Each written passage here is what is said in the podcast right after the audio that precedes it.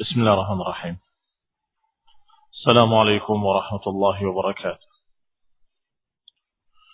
إن الحمد لله نحمده ونستعينه ونستغفره ونعوذ بالله من شرور أنفسنا ومن سيئات أعمالنا من يهده الله فلا مضل له ومن يضلل فلا هادي له وأشهد أن لا إله إلا الله وحده لا شريك له وأشهد أن محمدا عبده ورسوله صلى الله عليه وعلى آله وأصحابه والتابعين وتابع التابعين ومن تبعهم بإحسان إلى يوم الدين.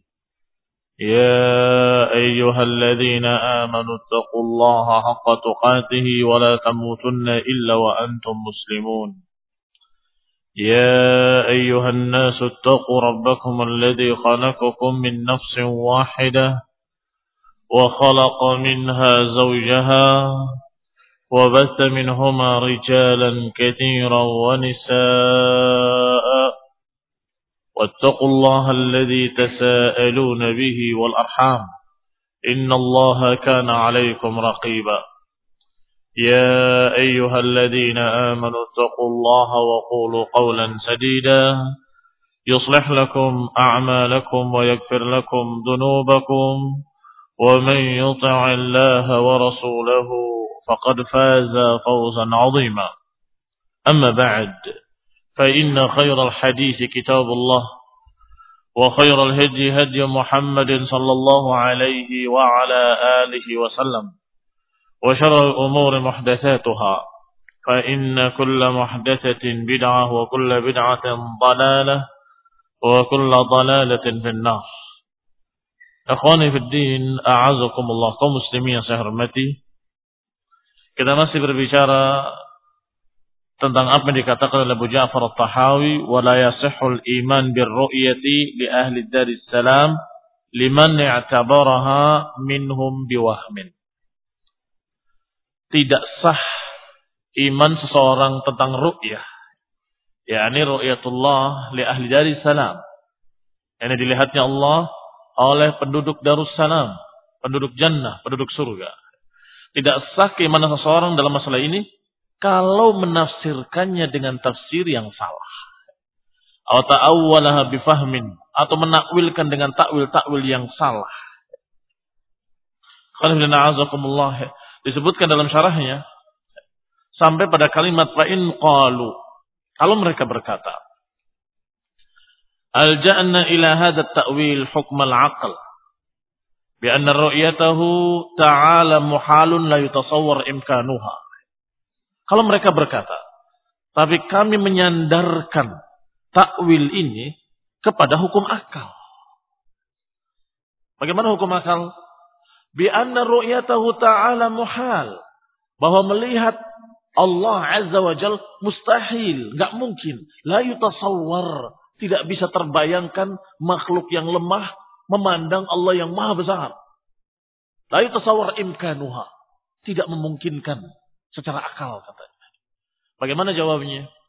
Fal jawabu. Jawabnya adalah Ana hadhihi da'wa minkum bahwa ini adalah anggapan kamu. Khalafakum fiha aktsarul uqala. Yang dibantah dan diselisihi oleh orang-orang lain dengan akal-akal mereka. Artinya kamu kata-kata mustahil itu menurut akalmu. Sedangkan mereka-mereka yang beriman, mereka membantah engkau berbeda dengan engkau secara akal mereka. Menurut mereka masuk akal dan memungkinkan. Laisa fil aqli ma yuhiluha. Tidak ada dalam akal sesuatu yang mustahil dalam masalah itu. Balau arada 'ala al-aqli mawjud qa'imun bi nafsihi la yumkin ru'yatuhu li hukmin bi anna hadha muhal. Bahkan kalau dibalik Lau arada alal akal, kalau ditunjukkan kepada akal, ada sesuatu yang mewujud, sesuatu yang ada, yang berdiri sendiri, tapi tidak mungkin dilihat. La yumkin ru'yatuhu lihukmin la hakama bi anna hadha muhal. tentu akal akan menjawab mustahil. Justru dibalik. Kalau ada sesuatu wujud tapi tidak bisa dilihat, itu yang mustahil. Wa qawluhu liman i'tabaraha minhum biwahmin ay tawahhama anna Allah Ta'ala yura ala sifati kada. Sebelum kita masuk pada permasalahan yang berikutnya. Sudah dipaham jawaban tadi? Bahwa jawaban tadi maknanya bahwa seorang yang berakal sehat pasti akan menjawab. Bagi akal tidak mustahil memandang wajah Allah. Kita ciptaan Allah Subhanahu wa taala. Makhluk Allah yang Allah ciptakan. Allah bisa menakdirkan kita seperti sekarang ini. Dan di yaumal qiyamah, Allah bisa pula menakdirkan mereka melihat. Apa sulitnya? Yang tidak masuk akal apanya? Kalau Allah kehendaki, Allah jadikan mereka mampu melihat.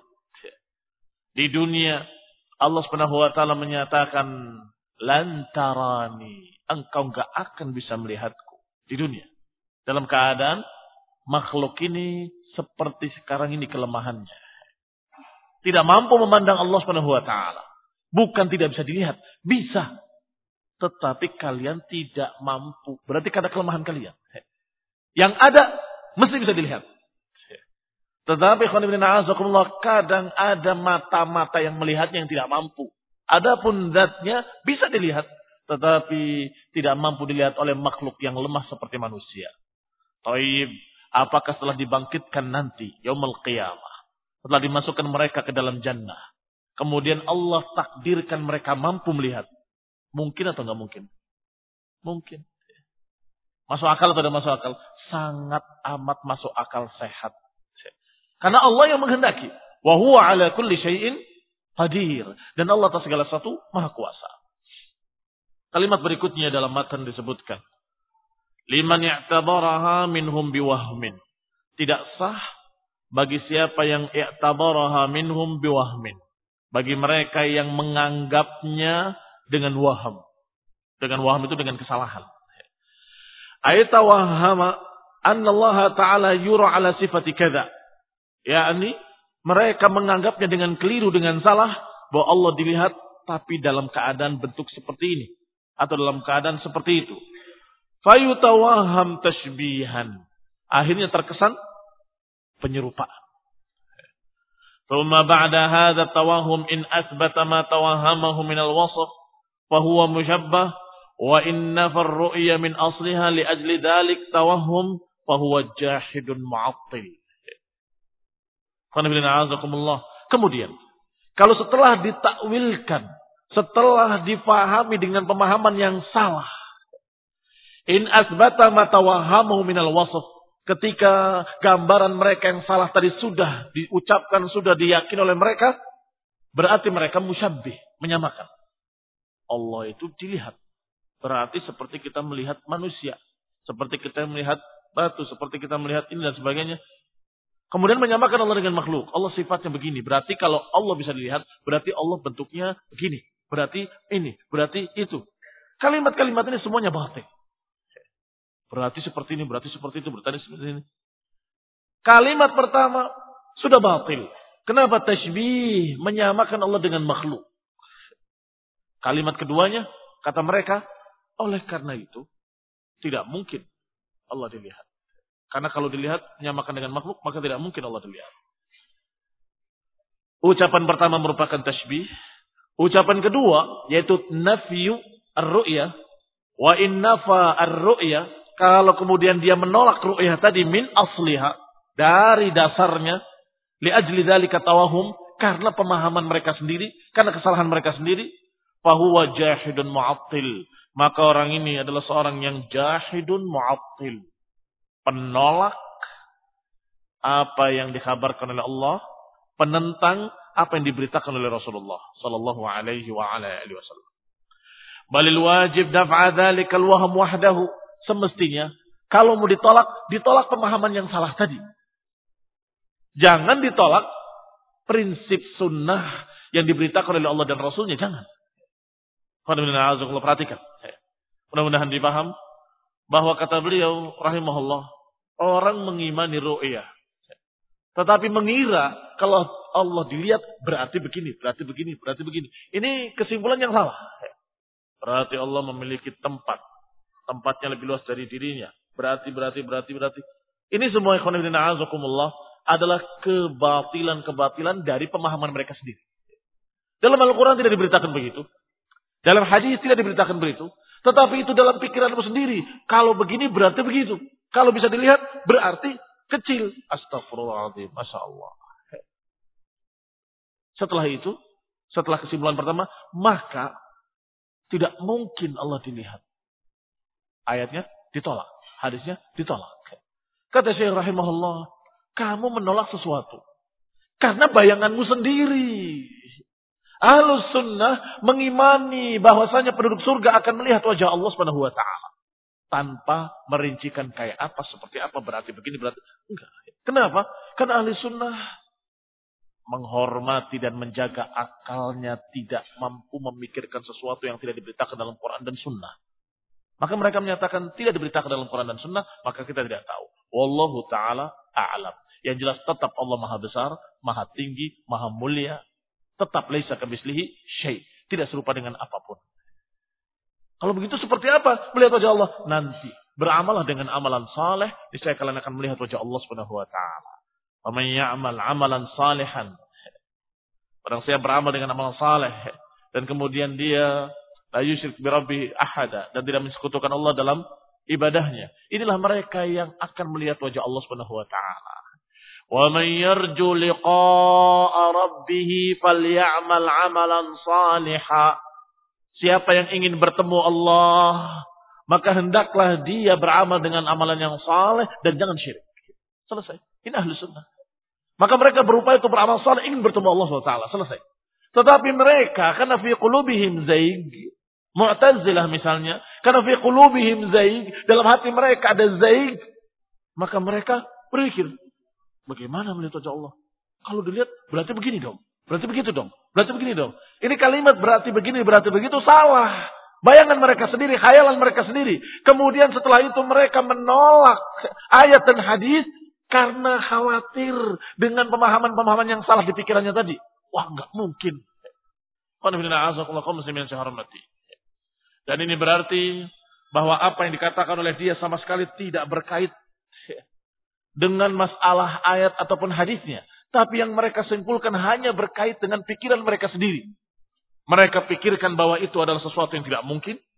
Sesuatu yang mustahil. Sesuatu yang merupakan penyerupaan Allah dengan makhluk. Maka mereka ketakutan. Kemudian ditolak hadisnya. Ditolak ayatnya. Nggak mungkin ini ayat menyatakan Allah dilihat. Nggak mungkin ini hadis. Masa Allah dilihat? Mustahil.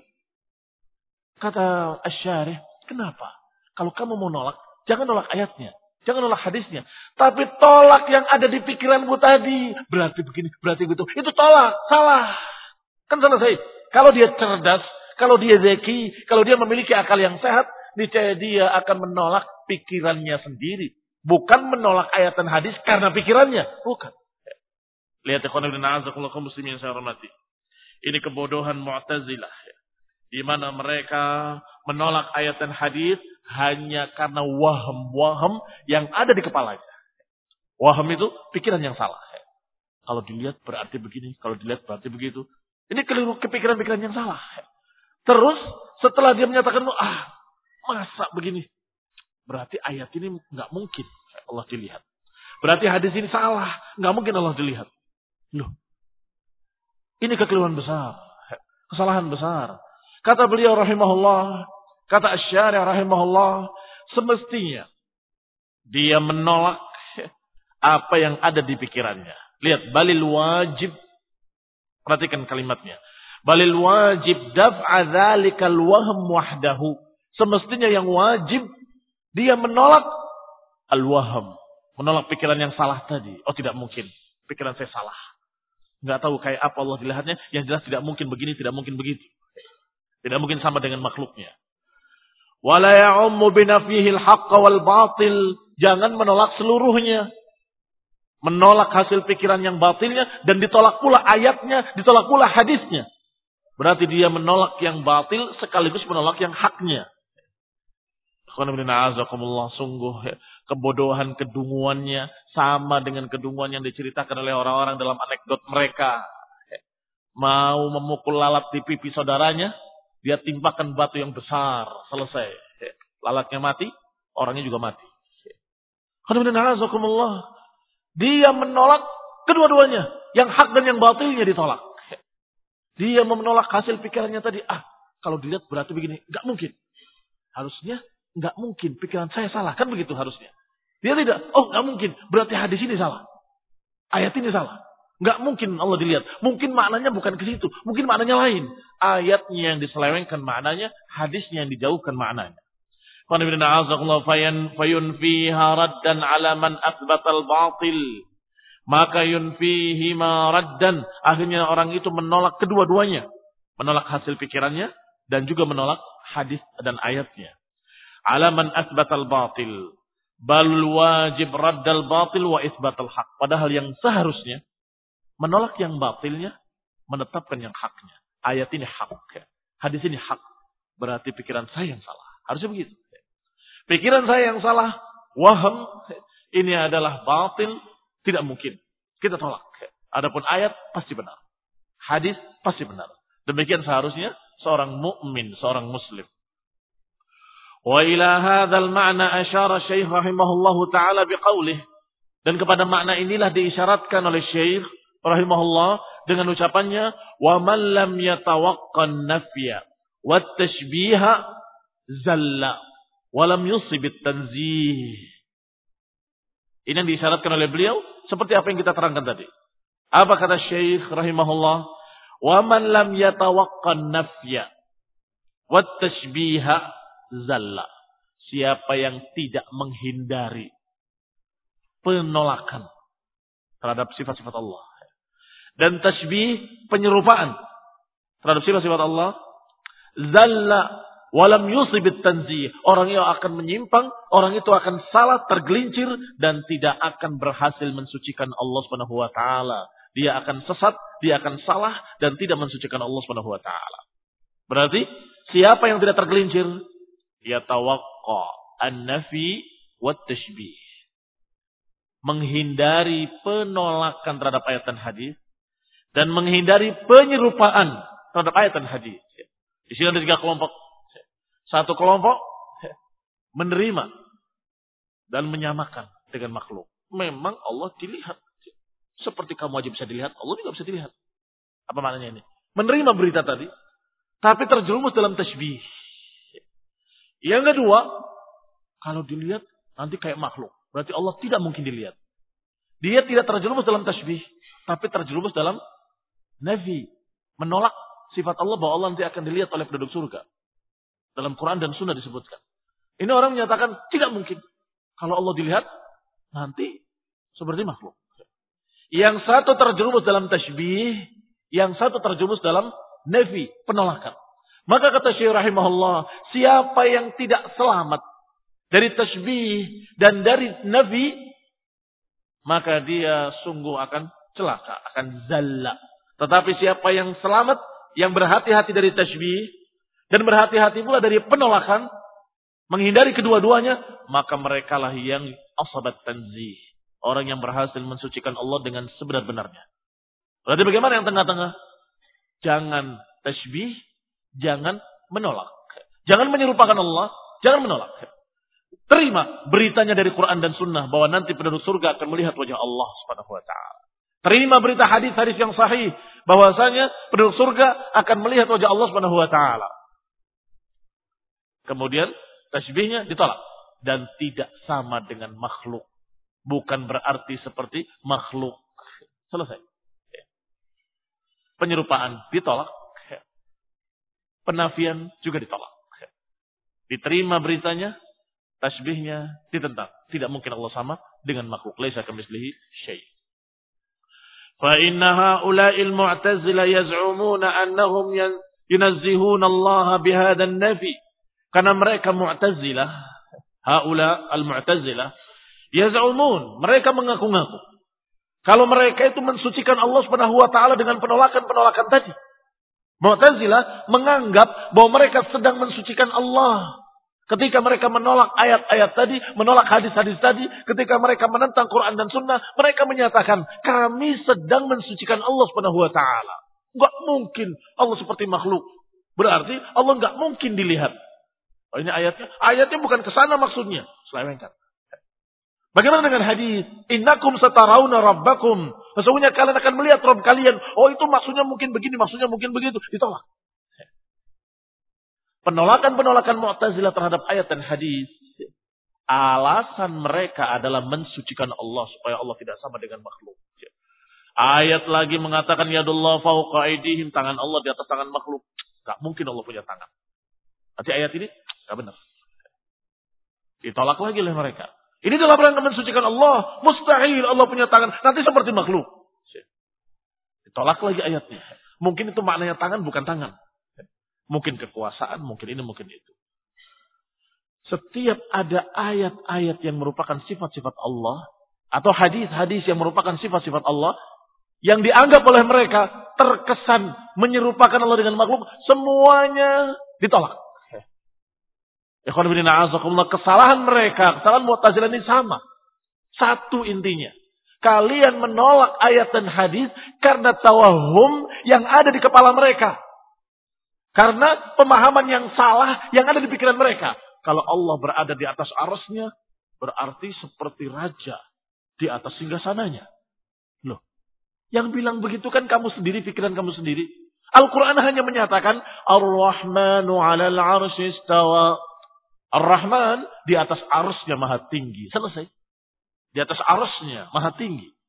Tetapi kamu sendiri yang menafsirkan. Berarti Allah duduk seperti raja. Itu kalian. Maka kalau menolak, tolaklah pikiran kalian yang batil. Tolaklah pikiran kalian yang salah tadi. Jangan tolak ayatnya. Ayatnya bukan satu, bukan dua, bukan tiga. Tujuh ayat dalam Al-Quran yang menyatakan Allah di atas arusnya. Maha tinggi. Ditambah lagi dengan sekian ratus ayat yang mensifati Allah maha tinggi. Aliyun hakim. Maha tinggi lagi maha memiliki hikmah. Sambil hisma rabbikal a'la. Sucikan Allah yang maha tinggi. Di mana tinggi itu? Di atas. Dan Rasulullah SAW ketika seorang akan memerdekakan budaknya, Rasulullah SAW menyatakan sebentar, dites dulu budaknya apakah mukmin atau tidak mukmin. Karena kalau mukmin Dianjurkan untuk dimerdekakan. Kalau tidak, jangan. Orang-orang kafir dalam keadaan budak itu lebih baik, lebih aman daripada merdeka. Maka Rasulullah memanggilnya. Ainallah. Tesnya ditanya Ainallah. Dia menunjuk ke atas, ke langit. Bisama di ketinggiannya. Pertanyaan kedua, waman ana? Siapa aku? Engkau menunjuk Rasulullah SAW, kemudian menunjuk, menunjuk ke atas. Engkau utusan yang di sana. Maka Rasulullah menyatakan kepada sahabat pemilik budak tadi, "I'tiqha fa innaha mu'minah." Merdekakan dia karena dia adalah seorang mukminah. Hadis yang sahih yang dipakai sebagai hujjah oleh Imam Muhammad bin Idris Syafi'i rahimahullah. Dipakai hujjah, dipakai dalil oleh Imam Syafi'i untuk menyatakan bahwa Allah Maha tinggi di atas. Berarti kata beliau, kata Imam Syafi'i, siapa yang menyatakan Allah Maha Tinggi di atas, fa innahu mu'min. Maka dia mukmin sesuai dengan tesnya Rasulullah SAW. I'tiqha fa innaha mu'minah. Merdekakan dia. Karena dia sungguhnya adalah budak yang mukminah. Ikhwan ibn a'azakullah kaum muslim yang saya hormati. Maka berita-berita tentang Allah maha tinggi di atas makhluk-makhluknya maha tinggi di atas arasnya maha tinggi. Ini semua Berita-berita yang pasti-pasti-pasti benar, tidak mungkin ada makna-makna lain.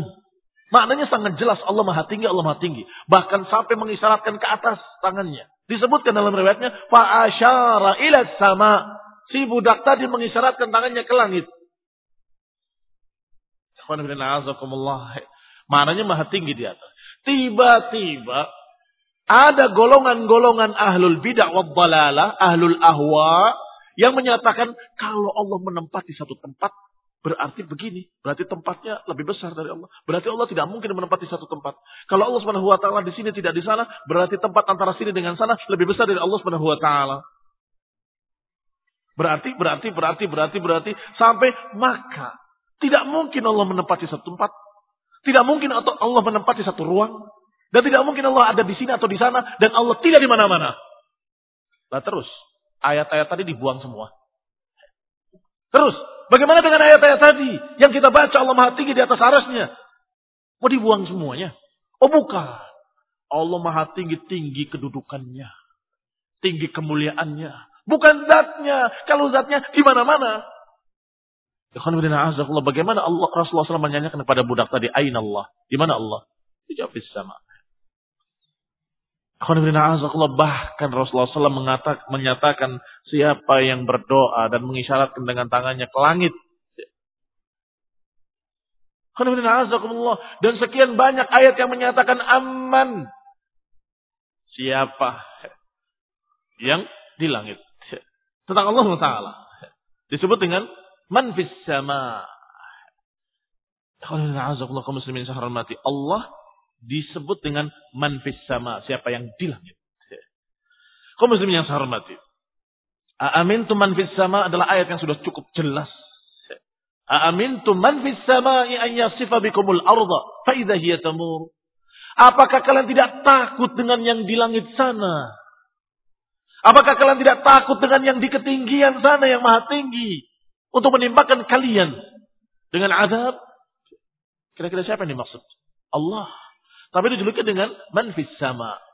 Yang di langit sana di ketinggiannya.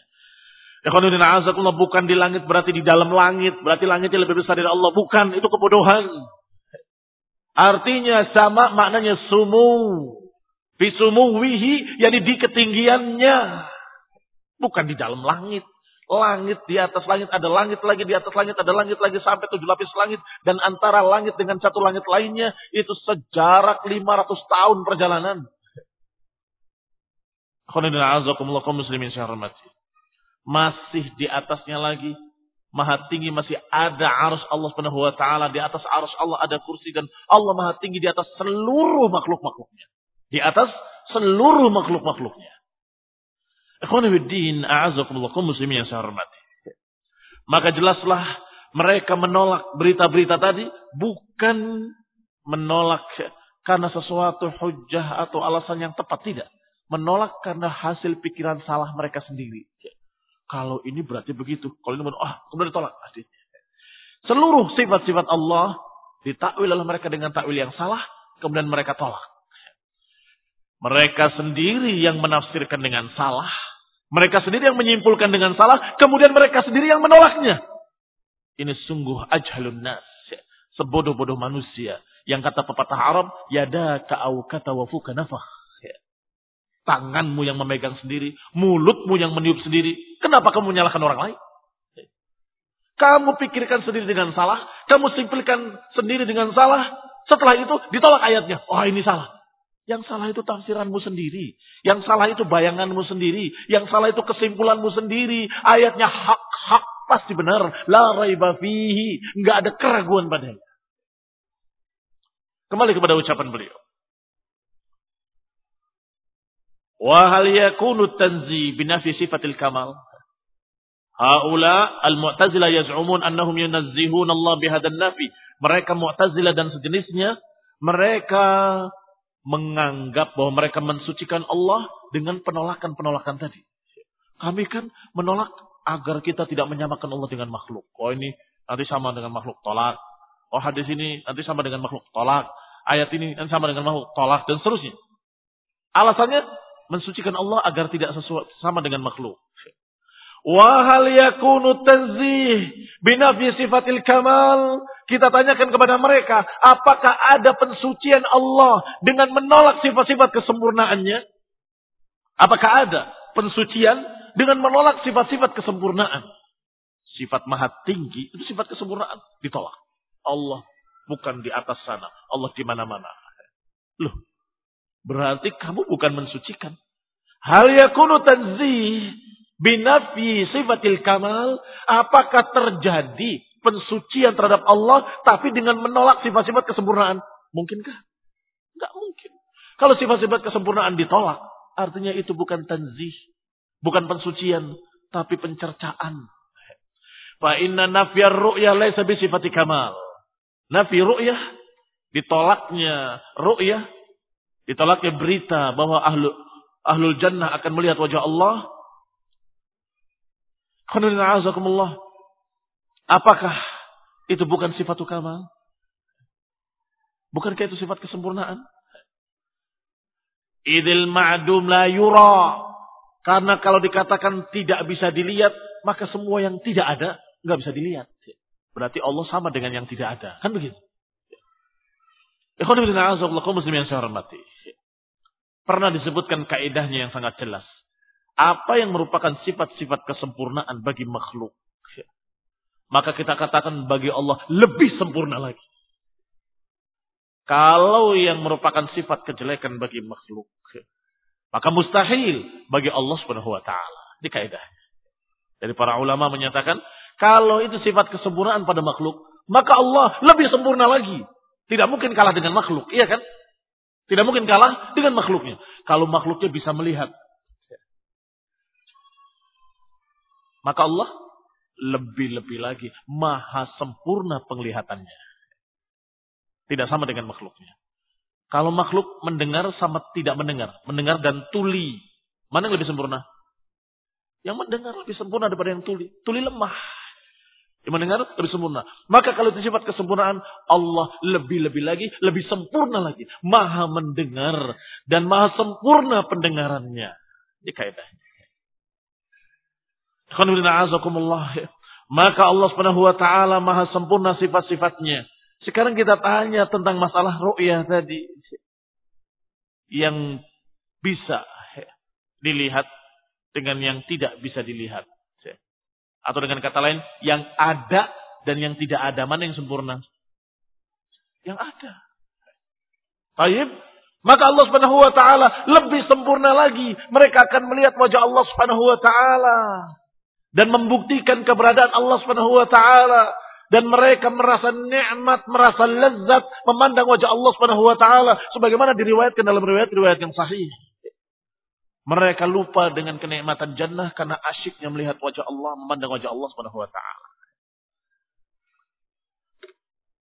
Idil ma'dum la yura. Karena kalau tidak ada, nggak bisa dilihat. Maka kalau Allah nggak bisa dilihat, sama dengan yang tidak ada. Wa innamal kamal fi isbatir ru'yah wa nafi idrakir ra'i lahu idraka ihata. Maka yang sempurna adalah bisa dilihat tapi tidak bisa diliputi penglihatan. Bisa dilihat, tetapi tidak bisa diliputi dengan penglihatan. Apa contoh dari makhluk-makhluk yang seperti itu? Allah Subhanahu wa taala lebih sempurna. Bulan karena besarnya.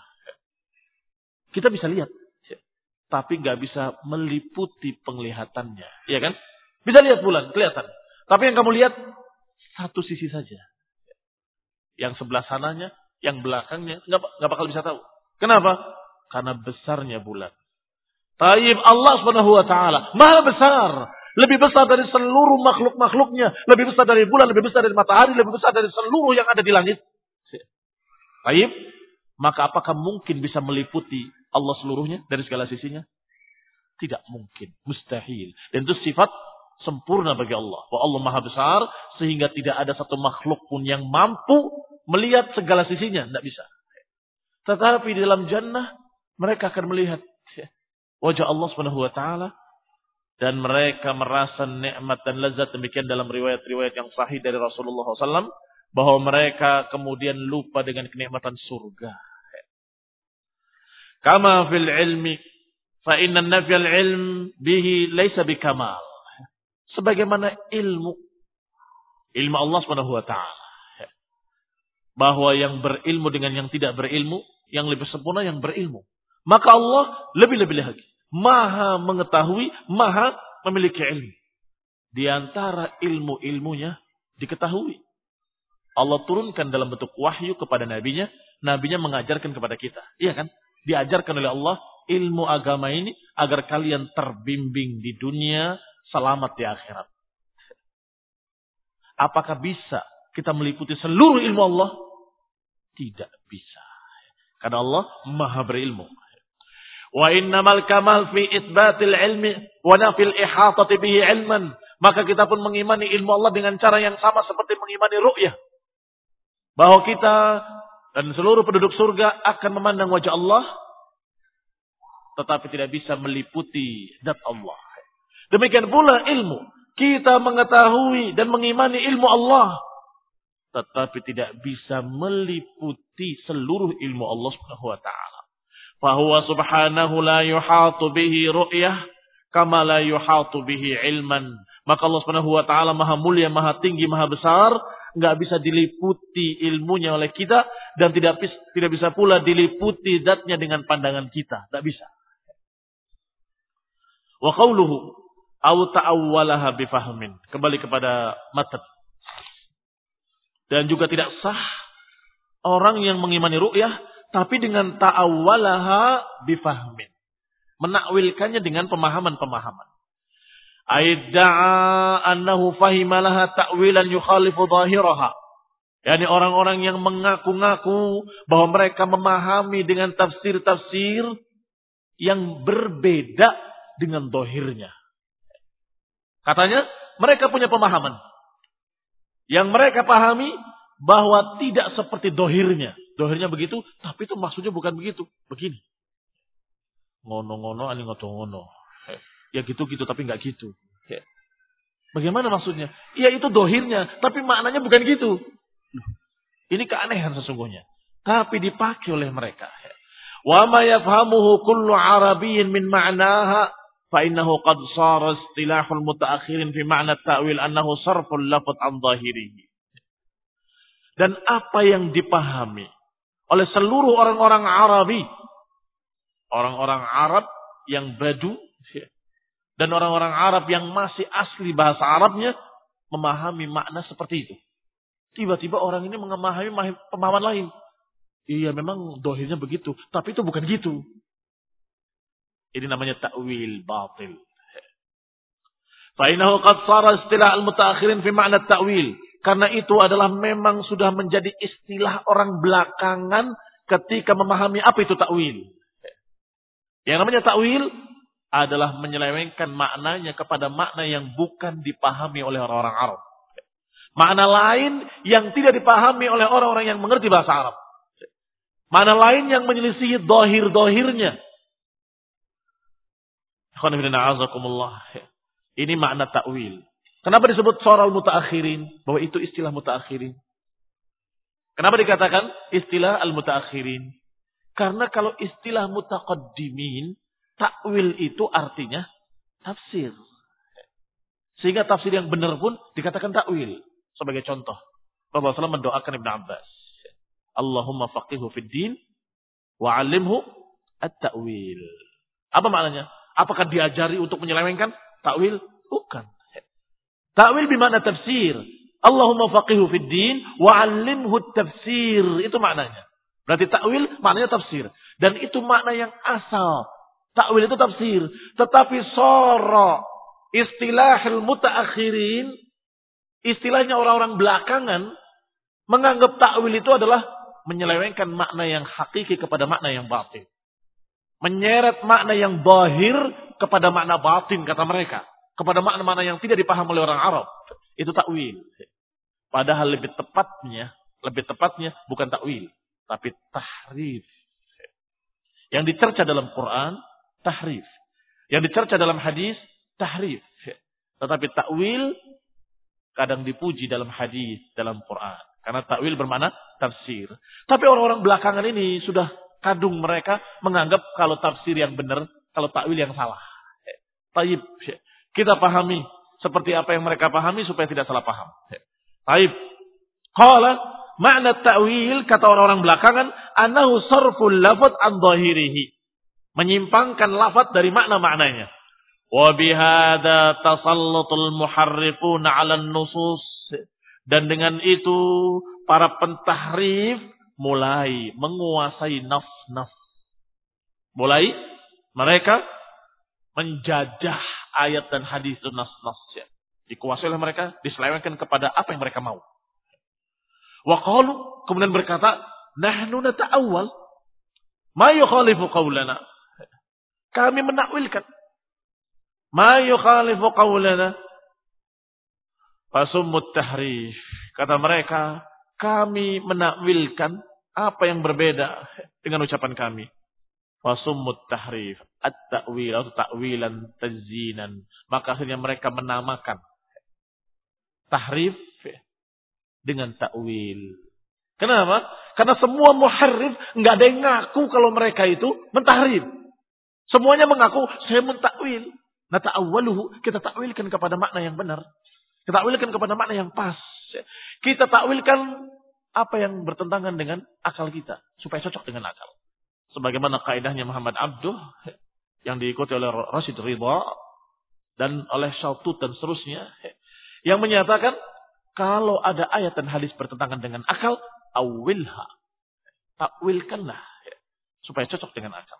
Jadi mereka menganggap takwil. Akhirnya makna takwil jadi berubah. Oh takwil itu adalah menafsirkan kepada makna lain selain makna yang bahir. Makna lain selain makna yang dipaham oleh orang-orang Arab dengan bahasa Arab. Ini takwil. Akhirnya mereka namakan takwilan tazyinan lahu wa zukhrafatan liyuqbal. Kenapa dinamakan takwil oleh mereka? Karena itu adalah tazyinan dibikin indah wa zakhrafah dihias supaya bisa diterima. Supaya bisa diterima. Sebagaimana khomer ketika mau dihalalkan nanti pada akhir zaman, apa kata Rasulullah SAW? Yusammunahu bighairi ismih. Mereka menamakannya dengan nama lain. Yusammunahu bighairi ismih. Mereka menamakannya dengan nama-nama lain supaya bisa diterima. Seperti riba, rentenir. Dulu itu sangat kasarnya. Orang takut kalau mendengar riba, merinding mereka. Riba haram. Rentenir, audzubillah. Rentenir, audzubillah. Sekarang rentenirnya pakai kantor. Ditempel di berbagai macam pohon-pohon tiang-tiang.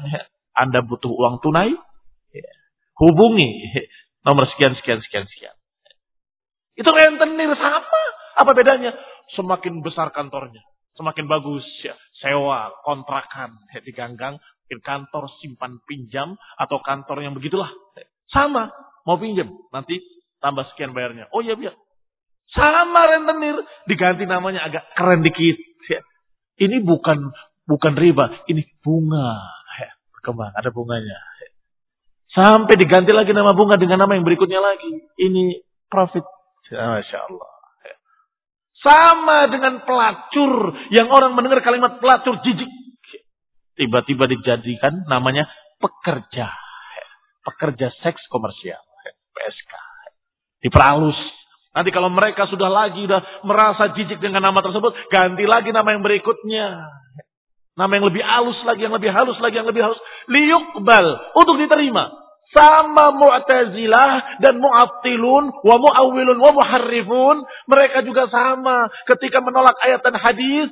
Mereka katakan ini tafsir, ah, ini takwil.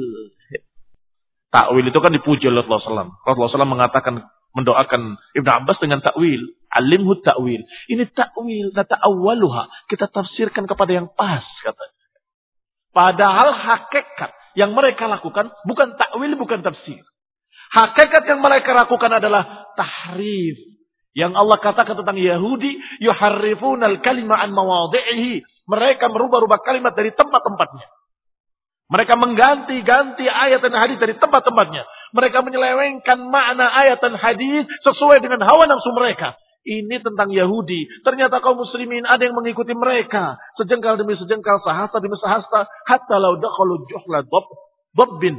Hatta lau dakhalu juhra dabbin la dakhaltumuh. Kalaupun mereka masuk ke lubang biawak atau sejenis biawak, bob, kalian akan memasukinya juga. Kalaupun dia kalangan mereka ada yang memasuki atau ada yang menzinai ibunya sendiri. Ala niatan, terang-terangan. Nanti di kalangan kaum muslimin juga akan ada yang mengikuti mereka. Itu yang mengerikan. Apalagi yang masalah tahrif tadi sudah banyak yang ikut Yahudi. Yahudi dikatakan qulu hittatun naghfir lakum khatayakum. Katakan hittah. Kami akan ampuni kalian kata Allah Taala. Apa kata Yahudi? Hentah. Disuruh mengucapkan hittah. Mereka ucapkan hentah. Hentah artinya gandum. Hentah artinya ampuni kami. Diganti hentah oleh mereka. Diselewengkan. Ternyata di kalangan kaum muslimin juga ada yang mengikuti mereka Yahud. Disuruh membaca ayat Allah. Ar-Rahmanu ala al-arsi istawa. Ar-Rahman istawa. Ala al-arsihi. Allah istawa di atas arasnya. Itu bukan istawa, istaula katanya. Ditambah satu lam. Ini ayatnya istawa. Iya istaula. Istawa, bukan istaula. Allah yahdi. Ya tapi itu maknanya istaula. Itu bukan maknanya ganti oleh kamu istawa jadi istaula. Iya kan? Diganti. Kalau tafsirnya, silahkan kamu lihat tafsir-tafsir para ulama. Istawa tidak pernah bermakna istaula nggak ada. Bisa bermakna tinggi, bisa bermakna mulia, bisa bermakna ada di satu tempat, bisa bermakna seimbang di atas sesuatu. Tetapi makna istaula nggak ada. Cuma mereka menganggap ini mungkin jangan-jangan salah. Maksudnya bukan istawa, tapi istaula kali. Mungkin bukan istilah kurang lam satu. Kalau Syiah akan berani menyatakan jangan-jangan lamnya dihilangkan oleh sahabat. Kalau Syiah. Eh, jangan-jangan lamnya dibuang oleh para sahabat. Aslinya istaulah itu. Maka kata Syekh Muhammad Jamil Zainu. Rahimahullah. Wajazahullahu khaira. Beliau menyatakan betapa miripnya. Nunul Yahud dengan lamuhum Sungguh mirip sekali nunnya Yahudi dengan lamnya mereka. Yahudi menyatakan disuruh mengucapkan hetoh, mengucapkan hentoh. Mereka disuruh mengucapkan Allah istawa, mereka katakan Allah istaula. Betapa miripnya, tambah satu lam, di sini tambah satu nun. Ikhwan bin maka kira-kira tahrif atau takwil? Tahrif, bukan takwil, apalagi tafsir. Bukan tafsir, bukan ta'wil. Itu tahrif. Yang mereka lakukan adalah tahrif. Yaitu apa yang dilakukan oleh Yahudi yang Allah terangkan betapa bejatnya Yahudi ketika mentahrif kitab Taurat. Ternyata di kalangan kaum muslimin ada yang meniru-niru mereka. Di kalangan orang-orang yang mengaku muslimin ada yang masih mengikuti jalan Yahudi mentahrif kalimat demi kalimat dalam Al-Quran. Wa ma yafhamuhu kullu arabin min ma'naha fa innahu qad sara istilah al-mutaakhirin. Baik. Wabihada tasallatal muharrifuna 'ala nusus. Di situlah mulai mereka menginjak-injak. Saya katakan begitu saja karena makna tasallat artinya menguasai untuk mengacak-acak di dalamnya. Dengan tafsir-tafsir batil atau dengan takwil-takwil batil alias tahrif. Kemudian berkata, Nahnu nata'awwal, kami cuma menakwilkan. Apa yang berbeda dengan pendapat kami, kami takwilkan supaya cocok. Fasumut tahrif ta'wilan tazinan. Maka akhirnya tahrif tadi dinamakan takwil untuk apa? Tazinan lahu wa zukhrufah. Itu adalah supaya indah kedengarannya. Liyukbal. Supaya diterima. Zukhrufal qawli gurura. Zukhrufal qawl gurura. Kata-kata yang dirangkai untuk menipu. Wa qaddamma Allahu alladhina zakhraful batil dan Allah Subhanahu wa taala sudah mencerca mereka yang menghias-hiasi kebatilan. Zakhrafu al-batil, menghiasi kebatilan. Kebatilan dibungkus dengan nama-nama yang bagus, dibungkus dengan istilah-istilah yang keren, dibungkus dengan seakan-akan bagus dan seterusnya. Ini dicerca oleh Allah. Wa kadzalika ja'alna likulli nabiyyin aduwan. Syayatin al-insi wal jin yuhi ba'duhum ila ba'din zukhrufal qawli ghurura. Kata Allah, demikianlah kami jadikan bagi setiap nabi musuh-musuhnya. Dari kalangan syaitan-syaitan manusia dan syaitan-syaitan jin. Yuhi ba'duhum ila ba'd. Sebagian mereka mewasiatkan, membisikkan, mewahyukan sebagian yang lain. Apa yang diwahyukannya, apa yang dibisikkannya? Zukhrufal qawli ghurura. Yang dibisikkan oleh setan sesama setan, dari setan jin kepada setan manusia. Dari setan manusia kepada setan manusia yang lainnya. Mereka saling membisikkan zukhrufal qawli gurura. Rangkaian kata-kata yang gurur. Rangkaian kata-kata yang menipu. Ini bukan riba, ini bunga. Ini bukan khomer. Ini adalah adalah obat anggur beranak untuk memudahkan orang beranak. Ini adalah minuman kesehatan. Ini adalah adalah ini adalah semua dinamakan dengan nama lain termasuk taf tahrif mereka. Ini bukan tahrif, ini tafsir. Liyukbal, supaya diterima. Padahal itu zukhrufal qawli ghurura. Kata-kata yang dirangkai untuk menipu. Wal ibratu lil ma'ani lalil alfam. Maka yang jadi ibrah, yang menjadi perhatian kita, yang menjadi ukuran kita adalah makna yang dikandung, yang dimaksud. Bukan lafat-lafatnya. Bukan lafat-lafatnya. Tetapi makna yang dimaksud dengan lafat itu. Karena kadang-kadang al-lafzu ala niyatil lafil. Lafat itu tergantung niat orang yang melafatkannya. Iya kan? Dia menyatakan saya menakwilkan, saya menafsirkan. Maksud kamu apa? Menafsirkan itu. Ternyata maksudnya mentahrif. Hati-hati. Berarti kadang-kadang seorang itu menyebutkan kalimat dohirnya kamu pahami baik, tetapi yang dimaksud oleh dia batil. Kira-kira yang jadi ukuran, lafadznya atau maksudnya? Hah? Nah, maksudnya tentunya. Berarti halal apa haram? Takwil. Apakah takwil itu halal atau haram? Jawabannya tergantung. Maksud kamu apa? Gitu. Kenapa? Karena kadang-kadang sekarang sudah menjadi dua. Ada yang memaksudkan tafsir, ada yang memaksudkan takwil dalam artian tahrif. Dan yang kedua lebih banyak. Yang kedua lebih banyak. Di akhir-akhir ini, istilah para mutakhirin. Karena kebanyakan yang lurus biasanya memakai dengan istilah tafsir. Sebagaimana dalam kitab-kitab tafsir para ulama ahlus sunnah. Ikhwan ibn a'azakumullah muslimin yang saya hormati. Selanjutnya dikatakan oleh ibrah lil ma'ani lalil alfaz. Maka ibrah yang kita ambil dari makna-maknanya bukan pada lafaz-lafaznya. Fakam min batilin qad uqima alaihi dalilun muzakhraf. Urda bihi dalilul haq. Betapa banyak dari kebatilan-kebatilan tetapi ditegakkan untuknya dalil. Tapi dalil yang muzakhraf. Oh ridha bihi dalilul haq. Yang terkesan. Itu dalil yang hak. Bayangkan. Betapa banyak kebatilan didukung dengan kata-kata yang muzakhraf, kata-kata yang menipu, yang akhirnya terkesan bahwa itu adalah dalil al-haq. Betapa banyak. Satu atau dua. Sangat banyaknya. Ahlul hawa, ahlul bidah, dan mereka-mereka orang-orang dan kaum-kaum yang sesat, mereka selalu memakai cara ini. Kalau orang kafir, nggak akan berdalil dengan Quran wa sunnah. Iya kan? Orang kafir nggak akan berdalil dengan Quran dan sunnah. Baik sekarang yang kedua, orang beriman nggak akan menghiasi kebatilan. Tetapi sekarang ada yang memakai kebatilan, kebatilan, kebatilan tapi beralasan dengan Quran dan Sunnah. Golongan yang mana ini? Kalau kafir akan terang-terangan berbuat kejelekan, tidak menyatakan saya muslim, tidak menyatakan sesuai dengan Quran dan Sunnah, tidak akan. Oh saya bukan Islam kok. Tetapi ada yang memakai kebatilan-kebatilan, mengerjakan kebatilan-kebatilan, mengucapkan kebatilan-kebatilan, tetapi dengan alasan ayat dan hadis. Inilah yang dikatakan ahlul ahwa, ahlul bidah, pengekor hawa nafsu.